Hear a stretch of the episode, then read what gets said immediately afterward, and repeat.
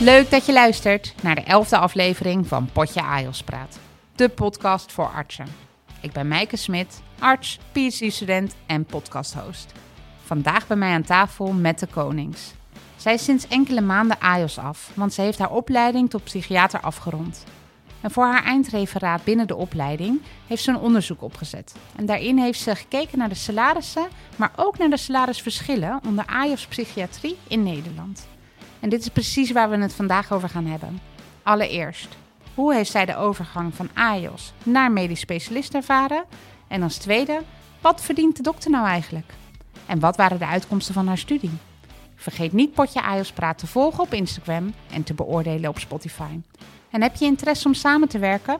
Stuur dan een mailtje naar info.potjeajospraat.nl En dan nu, snel van start!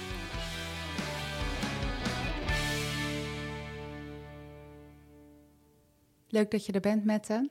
Ja, leuk dat ik uitgenodigd ben. Ja, zeker. Ik had je artikel gelezen in het Medisch Contact. En daarin heb je een stuk van je studie opgeschreven over die salarisverschillen. En vanuit daar heb ik je een mail gestuurd. Want ik dacht, het is tijd dat we het over geld gaan hebben in deze podcast. Nou, dat vind ik heel leuk. Ja, goed zo. Hey, nou, ik zei het al een beetje in de introductie. Je bent uh, net begonnen als medisch specialist. Ja. Het lijkt me best een hele spannende stap. Nou, dat is het zeker. Ja, van AIOS naar medisch specialist was een grote stap. Of hoe heb je dat ervaren? Ben ik nieuwsgierig Nou, ik was wel... Van tevoren hoorde ik juist van heel veel mensen van... dit is eigenlijk niet zo'n grote stap. Je gaat het werk doen dat je eigenlijk al die tijd al gedaan hebt. Dus ik hoopte heel erg van, nou, misschien is het inderdaad geen stap, is het gewoon mijn functie die op papier verandert. Maar ik moet zeggen, ik vond het toch echt wel een transitie eigenlijk. Ja. Want op zich, je werkzaamheden, een deel blijft wel gelijk. Maar ik vond vooral het gevoel dat je bij die werkzaamheden hebt, vond ik heel anders. Nou ja, je gaat echt naar die superviserende rol. Ja.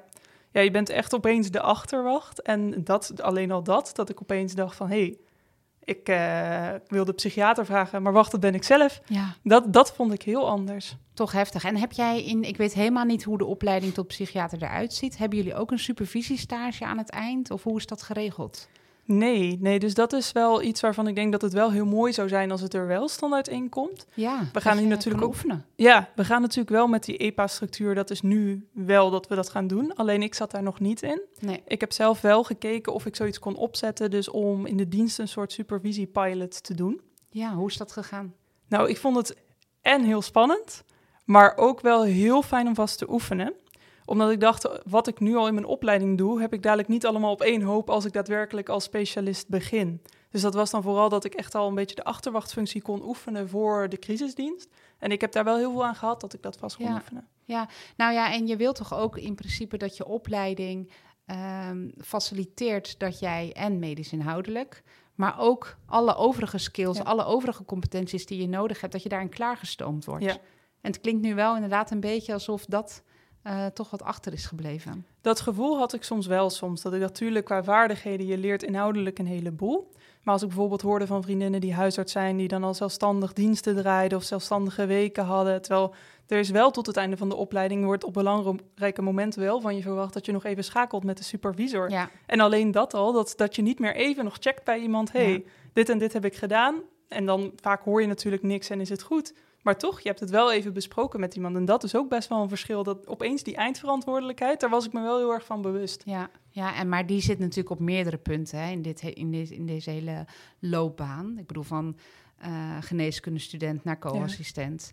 Nou ja, die vond ik zelf nog wel gaan. Maar dan op een gegeven moment ben je Anjos, sta je daar toch in die nacht. Ja. Hè, dus die, die zitten natuurlijk wel op meerdere punten in. Maar ik denk heel assertief dat jij... Uh, nou eigenlijk je eigen supervisiestage hebt geregeld. ik was ook heel blij dat de instelling ervoor open stond, dat, dat ik dat inderdaad vast kon oefenen. Want toen dacht ik, oh, dit is echt wel een andere manier van nadenken. Van ik krijg nu het verhaal van iemand anders. Ik sta niet meer direct zelf er altijd bij. Nee, je hebt dan een, een AJOS, een arts in opleiding, die eigenlijk jouw ogen en uh, jouw oren zijn op dat moment. En dat terugkoppelen naar jou. En jij moet dan als eindbaas zo noemden we dat, toch? Noemen jullie toch nou, ook? Wel in elk geval, ja. Het, het klinkt soms wat eindbaas, maar het klinkt misschien vreemd. Maar zo, zo is het wel. Uiteindelijk heb je wel de, ben je wel degene die het laatste besluit neemt. Ja. ja, ik denk voor mensen buiten het ziekenhuis... dat ze dat heel heftig vinden om te horen eindbaas. Maar we hebben eindbazen.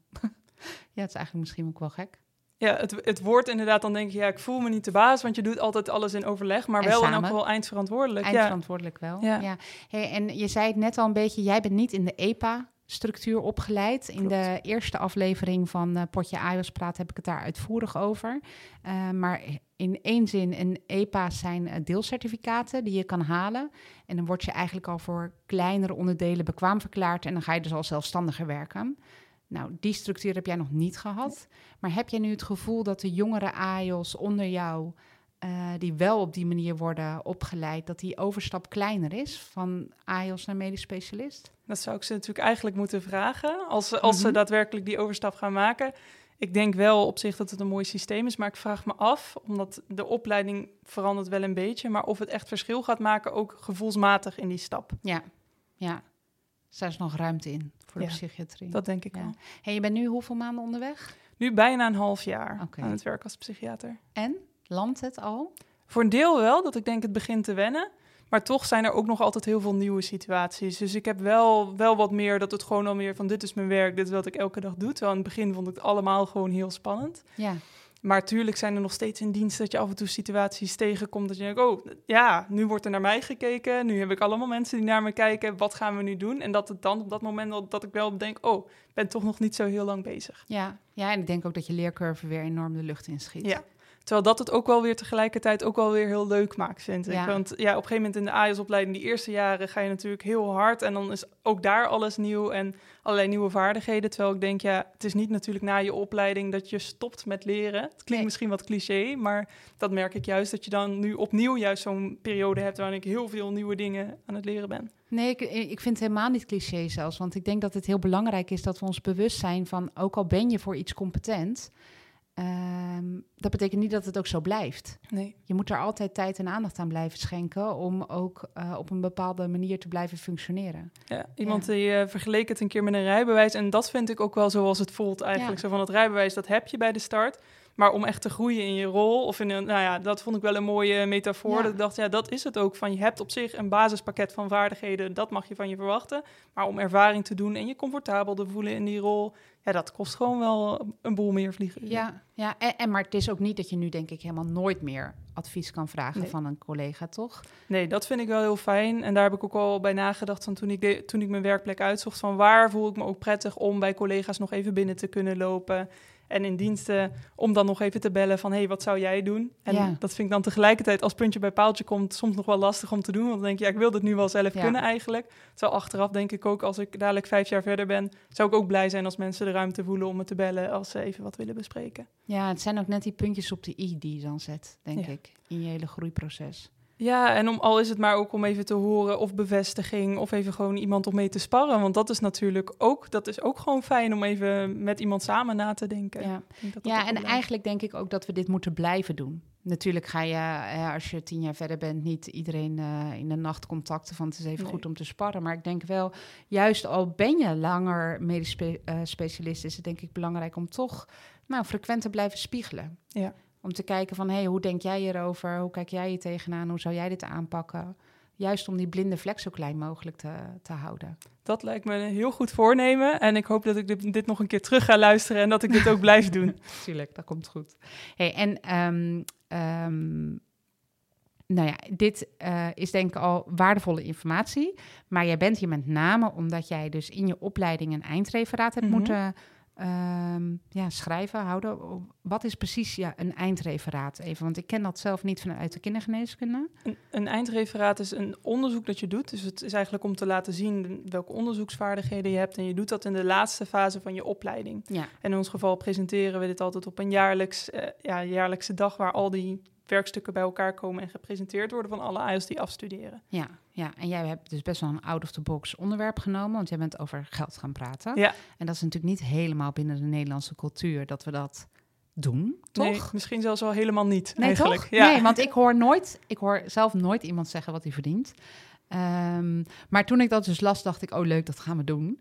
Eh, dus, en, en ik, denk, ik denk dat er zomaar heel veel uh, nieuwsgierige luisteraars zijn die gewoon willen weten wat verdient nou de dokter in Nederland. Ja. Dus dat gaan wij beantwoorden.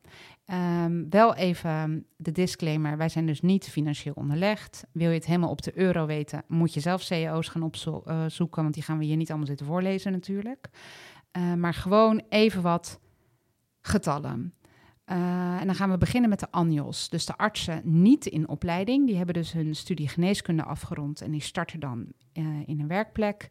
Um, en voor die ANJOS, wat die dan verdienen, dat ligt er natuurlijk aan wat voor CAO je hebt. Uh, de twee meest voorkomende CAO's voor ANJOS dus heb je dus de CAO ziekenhuizen. En je hebt, daar vallen dus meer de kleinere algemene ziekenhuizen onder. En je hebt de CAO universitair ziekenhuis. En in de CAO ziekenhuizen, als een ANJOS daar fulltime werkt, heeft hij een aanstelling van 36 uur. Wat eventueel nog opgehoogd mag worden in overleg. En die vallen uh, in um, salarisschaal FWG. Uh, dat is een functiewaarderingssysteem. En die zitten in 65. En die starten met een, een salaris van 4200 euro bruto. Um, en nou ja, ieder jaar dat ze ervaring hebben, gaan ze een treden erbij op. En dat is zo'n 100 tot 200 euro, wat er dan bij komt. Dus dit zijn de bruto getallen. Uh, en als een annual start in een uh, universitair ziekenhuis, dan is een fulltime salaris 46 uur. Dus dat is aanzienlijk meer.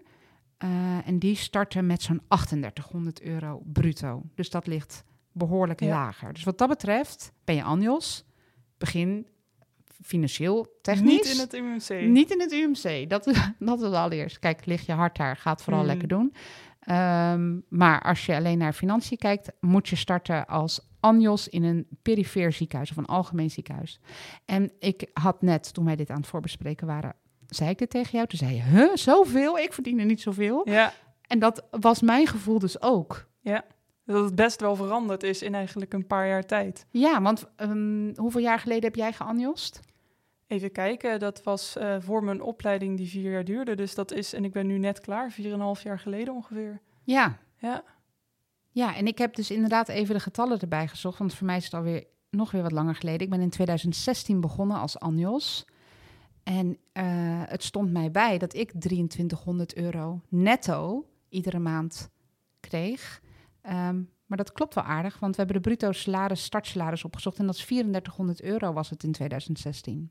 Ja, dus het is ook echt een verschil. Niet alleen dat wij denken ja. inderdaad van, goh, dat klinkt als hele andere getallen. Ja, dus voor alle AIOS die nu luisteren, het klopt dat dit meer is dan dat jij toen kreeg, toen je ANIOS was. Goed, alles wordt ook duurder natuurlijk. Ja.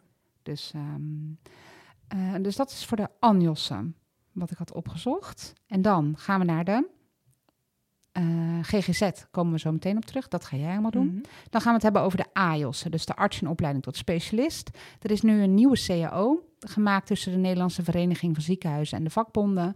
Um, dus een belangrijk, kijk vooral op de website van de jonge specialisten als je echt heel pakkend alle details wil hebben um, vanuit die CAO. Dat is wel een belangrijke tip. Um, maar AIOS'en die verdienen uh, tussen de 4000 en de 5300 euro bruto per maand. En dus afhankelijk van het jaar dat je start, hè, jaar, startjaar zeg maar tussen de 4000 en de 4200 euro. En ben je acht jaar onderweg, dan uh, zit je op de 5300 bruto. Um, ja, dan nog over de uren, want dat is ook altijd interessant als AIOS. Want als AIOS werk je um, in een uh, algemeen ziekenhuis 38 uur plus 10. Ja, dus dat klinkt als een bijzondere constructie. Ja. Um, heb jij dat ook gehad als AIOS? Nee. Dat hebben jullie niet. Nee, want dat is ook weer de GGZ. Dat werkt echt anders dan de UMC's in dit geval. Ja, ja. ja. nou waar daar dus het idee is dat je dus 38 uur uh, in dienst bent en die ook betaald krijgt. En dan die plus 10 zijn opleidingsuren. Dus het is dus niet de bedoeling dat je 48 uur wordt ingeroosterd op de afdeling. Dat is niet de bedoeling.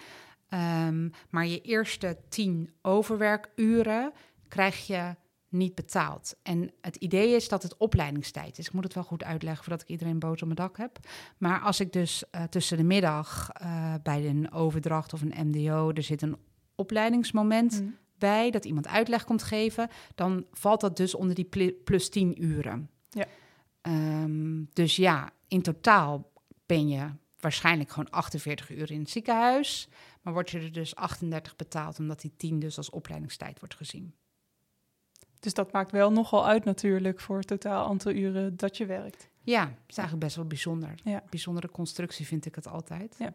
Het wordt altijd gedaan alsof het heel normaal is. Maar het betekent dus ook dat je niet makkelijk kan zeggen: ik ga mijn overuren nu opschrijven. Want dan valt het toch nog in die plus 10. Dus dat, ja, niet zoveel zin. Nou, dan, dan kom je natuurlijk op een lastige discussie. Van is dit overwerk of is dit die plus 10? Ja. Ehm, maar overwerk...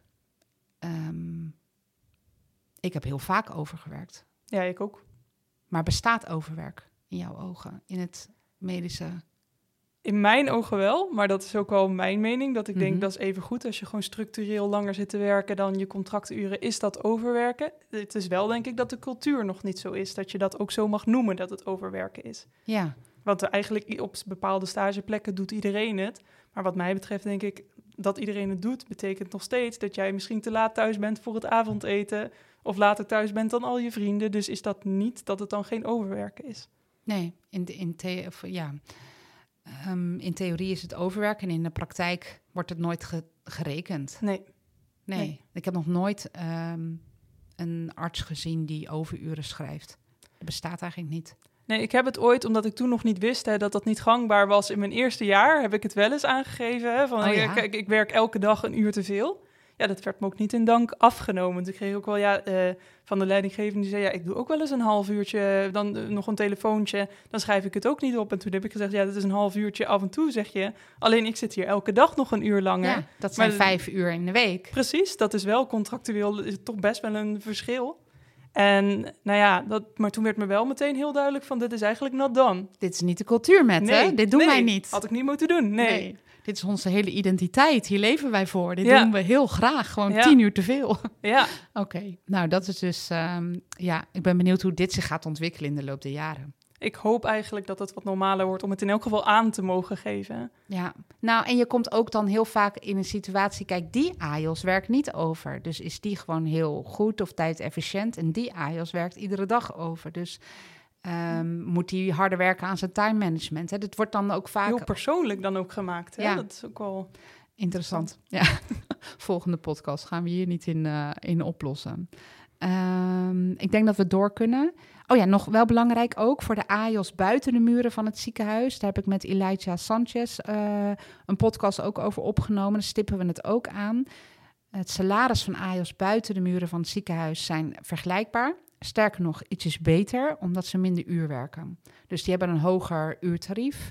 Uh, maar daar gaan dus uh, salarisverschillen echt ontstaan op het moment dat ze AIOS af zijn. Hè? Dus echt als specialist mm -hmm. dan um, stij stijgt het salaris van uh, een medisch specialist aanzienlijk. Meer. Ja, meer inderdaad. Ja. Dan nog heel kort wat getallen voor de huisartsen in de opleiding. Um, als die fulltime werken, zijn die 31,5 uur um, in de huisartsenpraktijk aan het werk. En 6,5 uur hebben ze dan zo de terugkomdagen, dus de onderwijsuren. En hier heb ik een, uh, die opleiding duurt maar drie jaar, dus daar is wat minder spreiding in uh, inkomsten. Maar een gemiddeld bruto maandsalaris van een huisarts in opleiding is 4200 euro. En die hebben dus een uurloon van 24,30 euro. Ja, en dan de medisch specialisten, daar wil ik me een beetje weg van blijven, want dat is um, nou heel erg afhankelijk van welk CAO ze vallen, loondienstmaatschap, al dat soort dingen. Maar een startsalaris voor een medisch specialist, uh, zo tussen de 6500 en de 7500 euro bruto per maand. Um, en dan gezegd hebben, als je um, veel wilt gaan verdienen als medisch specialist, dan zit je het gunstigst uh, binnen de anesthesie en de radiologen. En de kindergeneeskunde blijft uh, wat aan de onderkant. En dit is dan voor de medisch specialisten binnen de muren van het ja. ziekenhuis. Hè? Uh, want bijvoorbeeld een artsmaatschappij en gezondheid, die, uh, wat ik vond, zit zo rond de 50.000 euro bruto per jaar. Dus dat is um, lager dan de medisch specialisten ja. in het ziekenhuis. Ja. Um, ja, vergeet ik nog iets? Nee, ik denk nee, dat dat de belangrijkste getallen zijn. Ja. ja. Nou ja, en inderdaad, ik denk de boodschap zoek op uh, bij de jonge specialist. Als je meer details wil weten, die hebben echt een supergoed overzicht gemaakt. Dus dat is denk ik een goede website om te kijken. Ja, hey, en ik ben nu benieuwd. jouw beurt. Hoe ben je op deze studie gekomen om salarisverschillen te gaan uitzoeken? Nou, eigenlijk waar jij natuurlijk mee begon, er wordt weinig over gepraat. En dat vond ik meteen ook wel het interessante aan het onderwerp. Dat officieel wordt er natuurlijk weinig over gepraat. Wanneer je er juist wat over hoort, is het eigenlijk in de wandelgangen of op een borrel. Juist de informele momenten. En dan hoor je natuurlijk nog maar mondjesmaat er, wat over. En ik had op een gegeven moment wel wat gesprekken met collega's. En uh, we hadden het erover wat we verdienden. En op een gegeven moment dacht ik, maar dan zit ik wel heel laag volgens mij. En, en dat ik dacht, nou, dat, dat is dan eigenlijk wel interessant. Zit ik nou echt zo laag? Of heb ik net met, de, met collega's gesproken die misschien meer verdienen, maar is dat helemaal niet representatief? Nou, en hoe kan dat ook? Want je hebt een CO. Dat ook. Dat was wat, wat mij verbaasde en wat ik voor mezelf ook eigenlijk niet kon verklaren. Van waarom zou ik dan lager zitten? Ik ben nu zoveel jaar onderweg. Hoe zou dat eigenlijk kunnen? En ik heb toen inderdaad ook nagedacht van kan ik dit verklaren vanuit het CO? Dat kon ik niet. Nee, dus die traders, want ik bedoel als iemand drie jaar werkervaring heeft... Uh die relevant is en die wordt meegeteld, ja, dan zit je hoger. Ja, precies. Dat is iets dat heel makkelijk ook en makkelijk te accepteren als iemand meer verdient door de werkervaringsjaren. Dat is heel logisch. En ook iets dat gewoon opgeschreven staat. Maar ik kon het eigenlijk niet verklaren. En zo dacht ik eigenlijk, ik zat al redelijk richting einde opleiding. Dacht ik, ik kan dit voor mezelf gaan uitzoeken. Maar eigenlijk is het veel interessanter om het gewoon voor een grote groep te bekijken. Want als ik dit nu zo een beetje in de wandelgang hoor, wie weet spelen er wel meer dingen. En is, zitten er echt zulke verschillen? En zitten er misschien dan, waar komen die verschillen vandaan? Dat was wat ik ook heel graag wilde weten. Van oké, ik vermoed een verschil.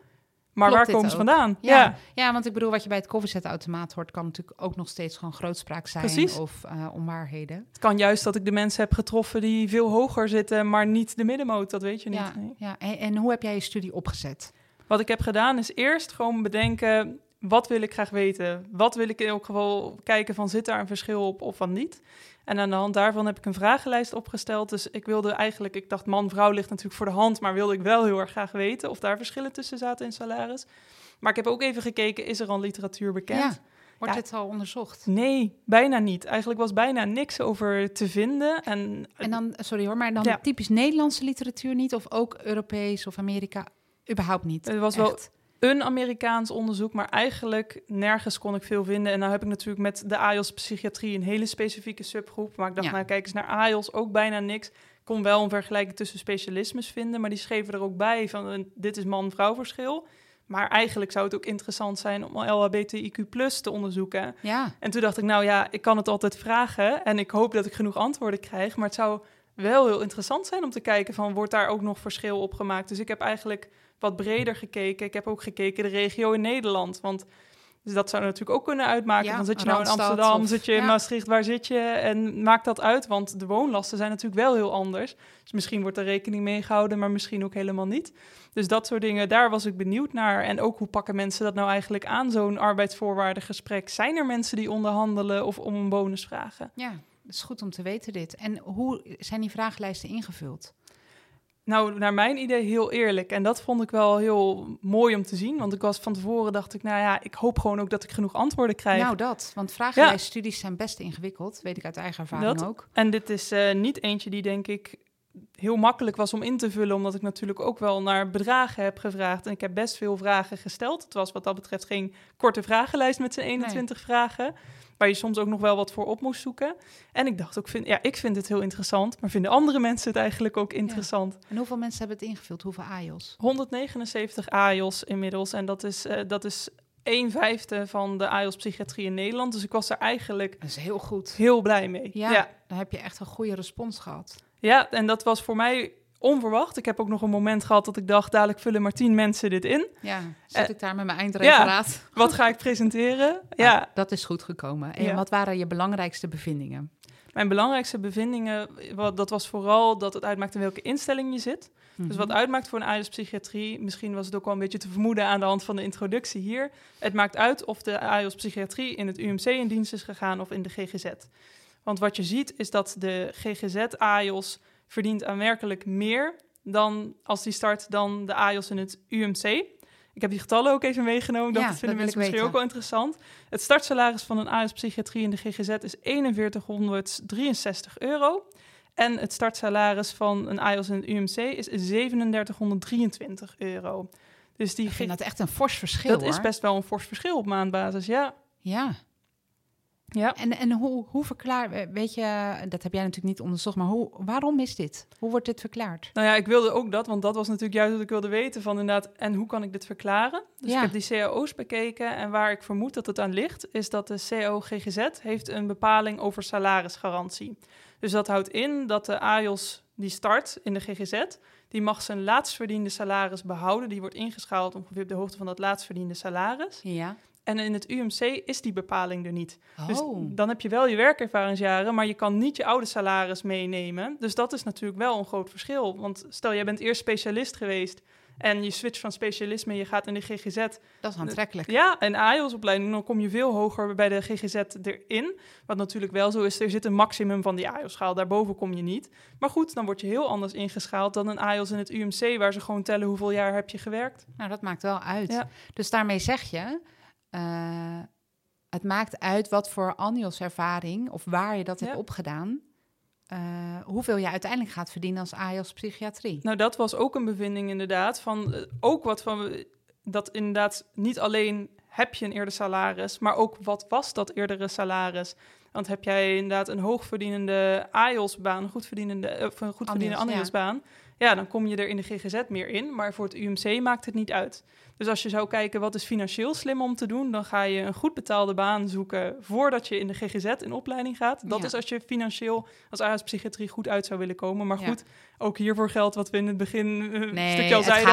Als om, inderdaad maar- heel graag in een ziekenhuis werkt, dan ga je het natuurlijk daarvoor niet anders doen. Maar Uiteraard. Ja. Maar anders dan heb ik zo'n vermoeden dat je beter een jaartje ANJOS eh, plastische chirurgie kan doen, in plaats van een jaartje ANJOS in de huisartsenpraktijk. ja, of zelfs inderdaad, het, het klinkt voor mij, dat vond ik dus ook gek. Want eigenlijk, als je dus al de hele tijd gemotiveerd bent voor de psychiatrie, je denkt, dit wil ik doen.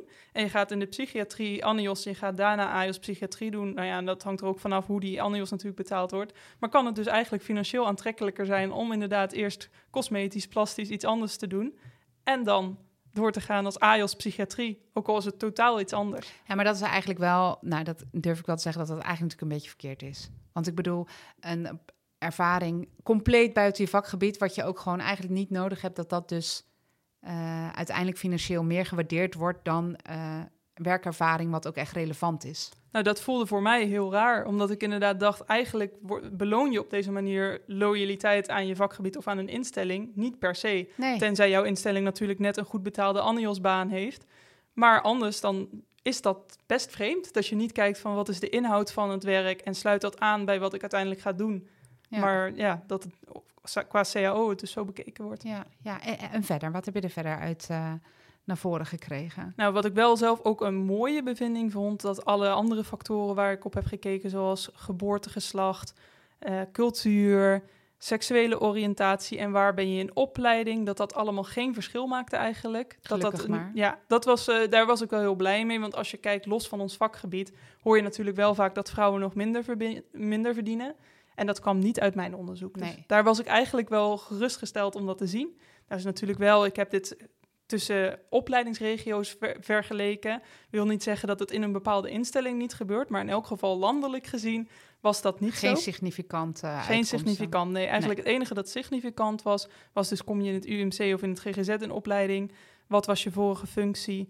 En wat was het eerdere salaris Ja. dat je verdiende? En Ja. al die andere dingen niet. Het is ook niet of je om een bonus gevraagd hebt of niet. Dat maakt ook niet uit voor de uiteindelijke hoogte. Ja, want een bonus. Hoe kan een arts... ehm, ik, een bonus associeer ik altijd met een commerciële instelling. Hè? Ja. Er is een bepaalde target eh, behaald of eh, je hebt een bepaalde klant binnengehaald.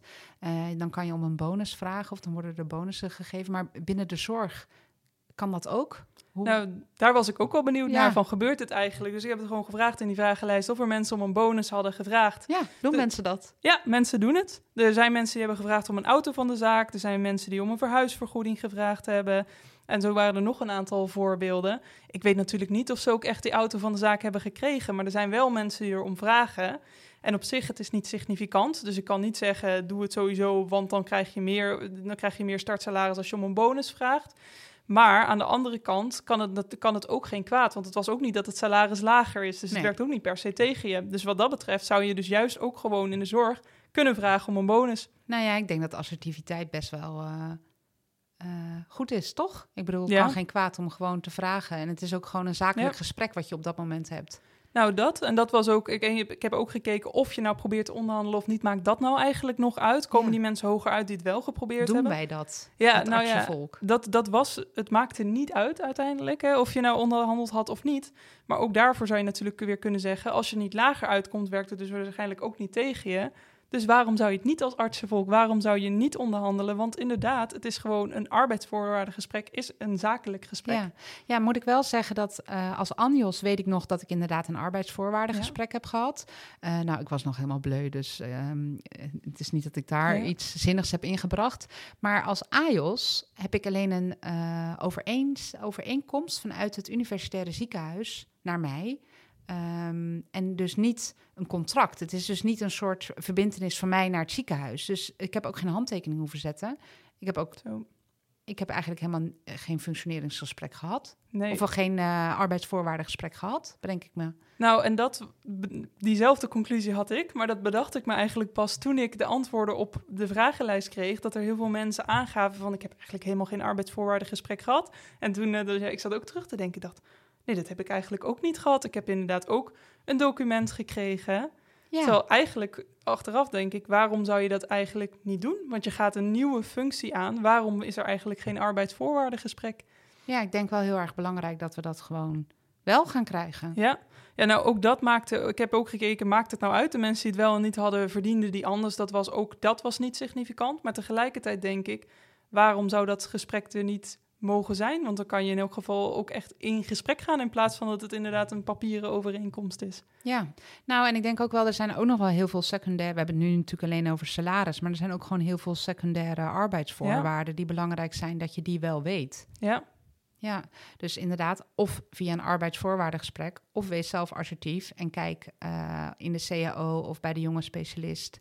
eh, wat er voor jou geldt. Ik denk wel dat dat belangrijk is. en ook inderdaad om gewoon te vragen om dat arbeidsvoorwaardengesprek. Ja, Dat je elk geval de ruimte hebt om, om, om in gesprek te gaan. om eh, met elkaar daarover te hebben. Ja, is denk ik belangrijk. Ja, Hey, en en ehm, jouw oorspronkelijke vraag was: hè, hoe kan het nou dat, dat het lijkt dat ik minder verdien dan mijn directe collega's? Hoe krijg ik dit verklaard? Dat ben je gaan onderzoeken. Heb je daar nou antwoord op gekregen? Nee, voor een deel denk ik dus wel hè, dat met het eerdere salaris, dat was wel een deel van de verklaring. Maar ja, dat is natuurlijk, dit is allemaal op groep, groepsgrootte eh, van, in, van meerdere instellingen bij elkaar. Ik heb er niet direct voor mezelf een antwoord voor. Maar uiteindelijk vond ik de uitkomsten die er zo uitkwamen veel interessanter om inderdaad te horen dat het over het land heen, in elk geval, dat er niet iets was van discriminatie. En dat Nee. vond ik wel een hele prettige uitkomst ook. Dat alles wat er wel uitkwam, kon ik wel met het CAO begrijpen waarom Ja. het zo was. Nou, gelukkig. Ja. Een hele geruststelling, jouw Ja, studie. ja. En ik vind het heel leuk dat jij gewoon zo stoer bent geweest om dit eh, nou, op te starten en over geld te gaan praten. Terwijl dat, dat niet helemaal binnen onze cultuur is en ook niet helemaal in de artsencultuur is om dat eh, bespreekbaar te maken. Dus eh, ja, ik ben, eh, ben fan van jouw werk. Helemaal goed. Nou, dankjewel. En ik ben ook heel blij met alle mensen die hier aan meegedaan hebben natuurlijk. Want anders had ik het wel kunnen willen onderzoeken. Maar iedereen die er dus voor open stond en eerlijk die lijst heeft ingevuld. Ja, En jouw uitnodiging om er hierover te mogen praten ook. ja het was leuk. Ik wil je bedanken. Dankjewel. Bedankt voor het luisteren. In de volgende aflevering gaan we het hebben over medische missers en hoe we hier als arts mee om moeten gaan. Heb jij iets aan de aflevering gehad? Dan zou het fijn zijn als je een beoordeling achterlaat op Spotify. Tot de volgende!